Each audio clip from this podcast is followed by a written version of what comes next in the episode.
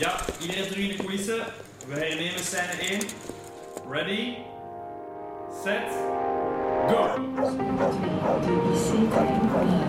De Proloog, een podcast van de Zendelingen. Jouw theaterinleiding voor thuis of onderweg.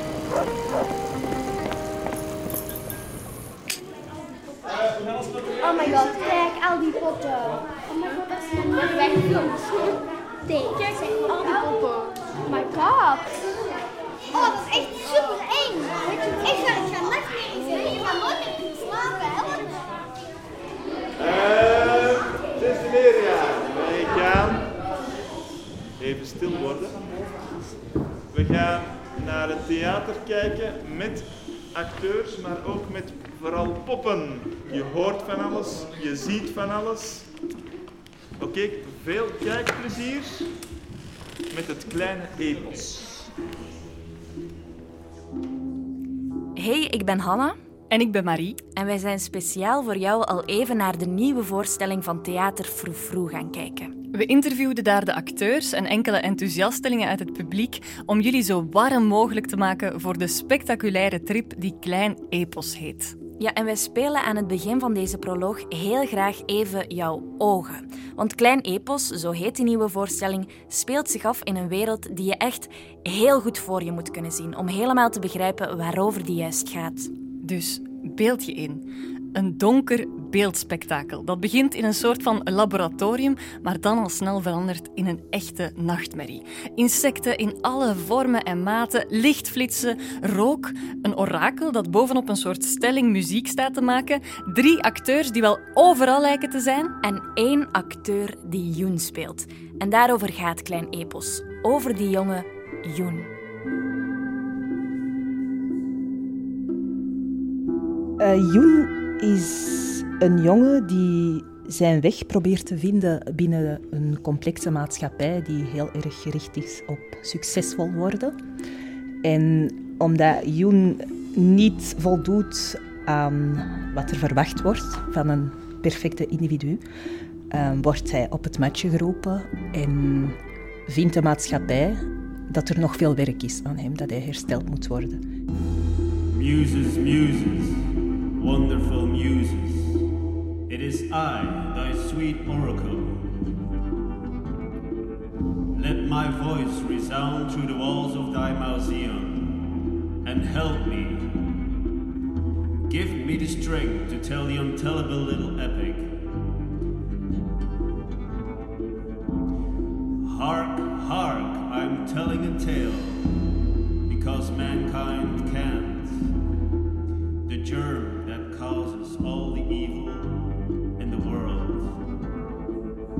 Ik ben Stan en ik speel de rol van Yoon. En naast mij zit uh, Aisha en zij speelt Buddy. En Buddy is, um, de, is eigenlijk de personificatie van de maatschappij. Van een maatschappij die gericht is op succes, op een, een, maatschappij die volledig gericht is op het, op het verplicht gelukkig zijn van het individu. De voorstelling begint met een, met een lange speech van, van Buddy. Een soort, een soort politieke speech over, um, over dat de mensen moeten smilen en sterk moeten zijn. En vooral um, maar één doel moeten nastreven en dat is succes. Ik denk dat Joen daar vooral van overweldigd is, uh, want hij wordt eigenlijk binnengehaald binnen in het kantoor van Buddy. En um, hij moet daar een doorlichtingsprocedure ondergaan, wat er eigenlijk op neerkomt dat zij gescreend wordt op, op de parameters die voor Buddy en dus voor de maatschappij belangrijk zijn, namelijk um, superieur zijn aan de andere, uh, uw individu zo belangrijk mogelijk maken. En voor Yoon is dat allemaal zeer verwarrend en complex en die, die is eigenlijk niet mee bezig. Yoon is iemand die dicht bij zichzelf wil blijven, maar tegelijkertijd ook wel um, ja, niet onterecht op het matje geroepen wilt worden en, en gewoon zichzelf wil zijn binnen die maatschappij zonder dat hij zich moet verantwoorden. De mens is opgedeeld in twee soorten. Wolven en schapen. Wolven zijn sterk. Alles wat die willen in het leven kunnen die krijgen. Schapen kunnen beter stoppen met dromen. Want die zijn gedoemd om volgzaam en ongelukkig te eindigen in de riool van de samenleving. Mijn vraag aan u. Wat zet jij? Een wolf of een schaap? Joen die voldoet om de een of andere reden niet aan de normen van de maatschappij. Buddy, de leider van die maatschappij, die is echt heel teleurgesteld in hem. En er is maar één oplossing: herprogrammering, zodat er misschien toch nog iets van hem kan worden. Vanaf dat moment wordt het eigenlijk één lange, hallucinerende trip. Ja, want Yoon die komt vanuit het laboratorium waar hij dus geherprogrammeerd moest worden, terecht in een soort onderwereld van de insecten. Ik ben Anastasia. Ik ehm, speel en dans in deze voorstelling. Niet echt een rol, maar veel verschillende rollen. En ik speel heel vaak samen in duo met Gert. Uh, waarom oei? Ai. Ai. En ja, ik denk dat wij zo'n beetje de komische noot doen in de voorstelling.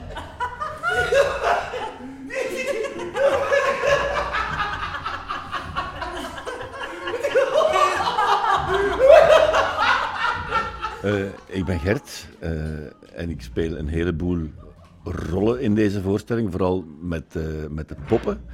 En speel vaak samen met Anastasia. Onze lievelingsscène is uiteraard de scène met de lieve heersbeestjes. maar die zijn wel ook het zwaarst voor ons. Um, omdat wij daar in een, een, gekke houding zitten, maar ik denk dat het publiek dat het leukste gaat vinden. We zitten daar eigenlijk onder een moessen schelp en we zitten geknield op, op, op een karretje op wielen. En zo spelen we die scène. Helemaal met een, met een masker over onze kop en ogen bovenop ons hoofd. In een niet alledaagse houding. Wat dat maakt dat toch wel dat we behoorlijk back af zijn als die scène achter de rug is. Het leuke eraan is dat, dat die lieve heersbeestjes niet zo zijn als de meeste mensen willen verwachten van lieve heersbeestjes, maar ze zijn eigenlijk behoorlijk agressieve wezens. Grote lieve heersbeestjes die elkaar heel de tijd uitschelden.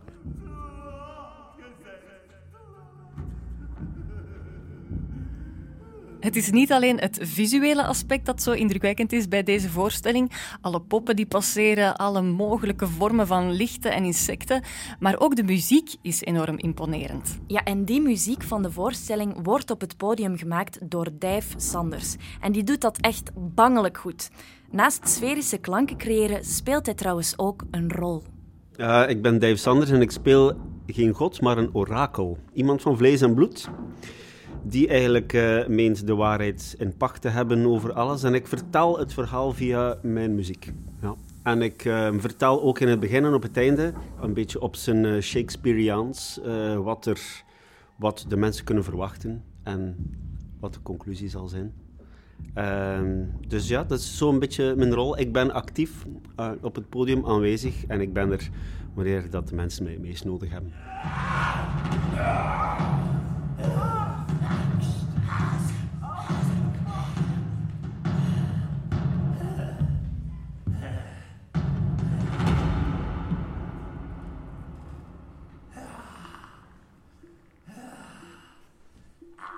Het was heel actief, het was heel goed geacteerd. Uh, het was, al de lichten en zo was heel leuk. De soundtracks waren ook heel goed en zo. De kostumen waren ook heel goed gemaakt. Je, zag ook dat het echt cool was en zo. En de muziek was ook perfect timing gemaakt, dus ik vond het echt heel leuk. Um, ook toen um, het stuk dat zo de lichten aan en uit gingen, voelde je echt gewoon in je stoel gewoon de muziek en alles. Dus uh, mensen moeten zeker komen kijken, omdat het echt een verbluffende voorstelling is, waarin veel gebeurt. Um, een voorstelling met diepgang, die aanzet tot reflectie en die zowel voor volwassenen als kinderen echt uh, leerrijk is. Omdat ze zich hopelijk kunnen herkennen in het hoofdpersonage en um, kunnen reflecteren over, over een personage als Buddy of over de maatschappij en, en zich daarin um, misschien, misschien hopelijk dankzij de voorstelling toch een, een betere plek uh, in kunnen vinden? Je moet komen kijken omdat um, de pakken echt goed bestuurd worden, uh, mega mooi gemaakt. Soms wel grappige momenten, maar ook soms enge momenten.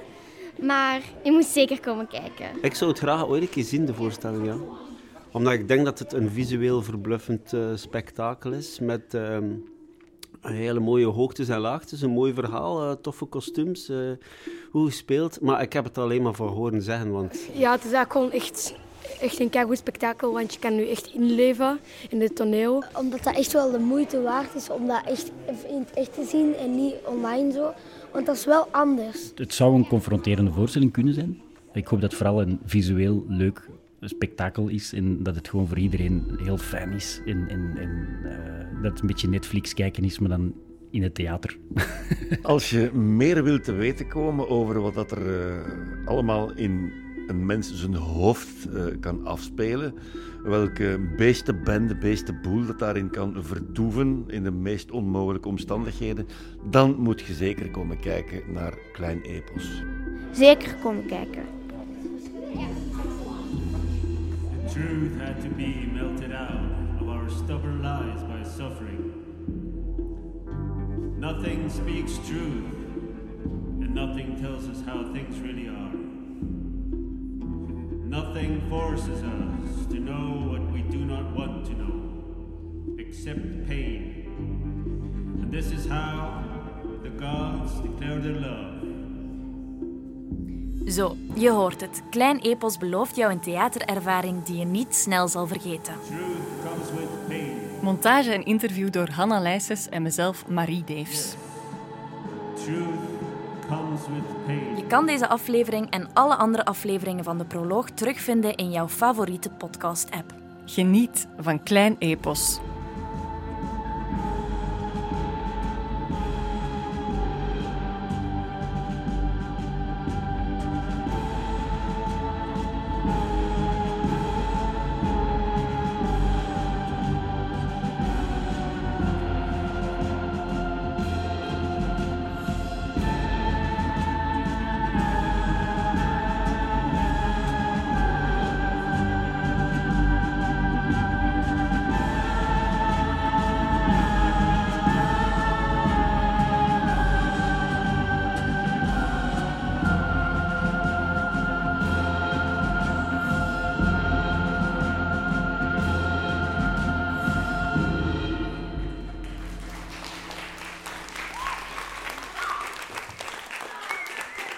Niet komen als je gevoelig bent aan, um,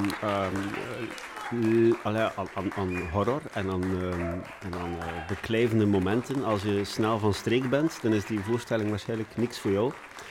Ook uh, enig veel bekkerij, als je daar allergisch aan bent, dan is het ook niet echt voor jou geschikt. Het is ook niet geschikt voor mensen die iets beters te doen hebben, maar dat, die bestaan niet. Dus het is denk ik geschikt voor iedereen, behalve ja, hetgeen dat ik dus gezegd heb eigenlijk. Dus, maar zelf dan denk ik dat je moet komen kijken. Je luisterde naar De Proloog, een podcast van de Zendelingen.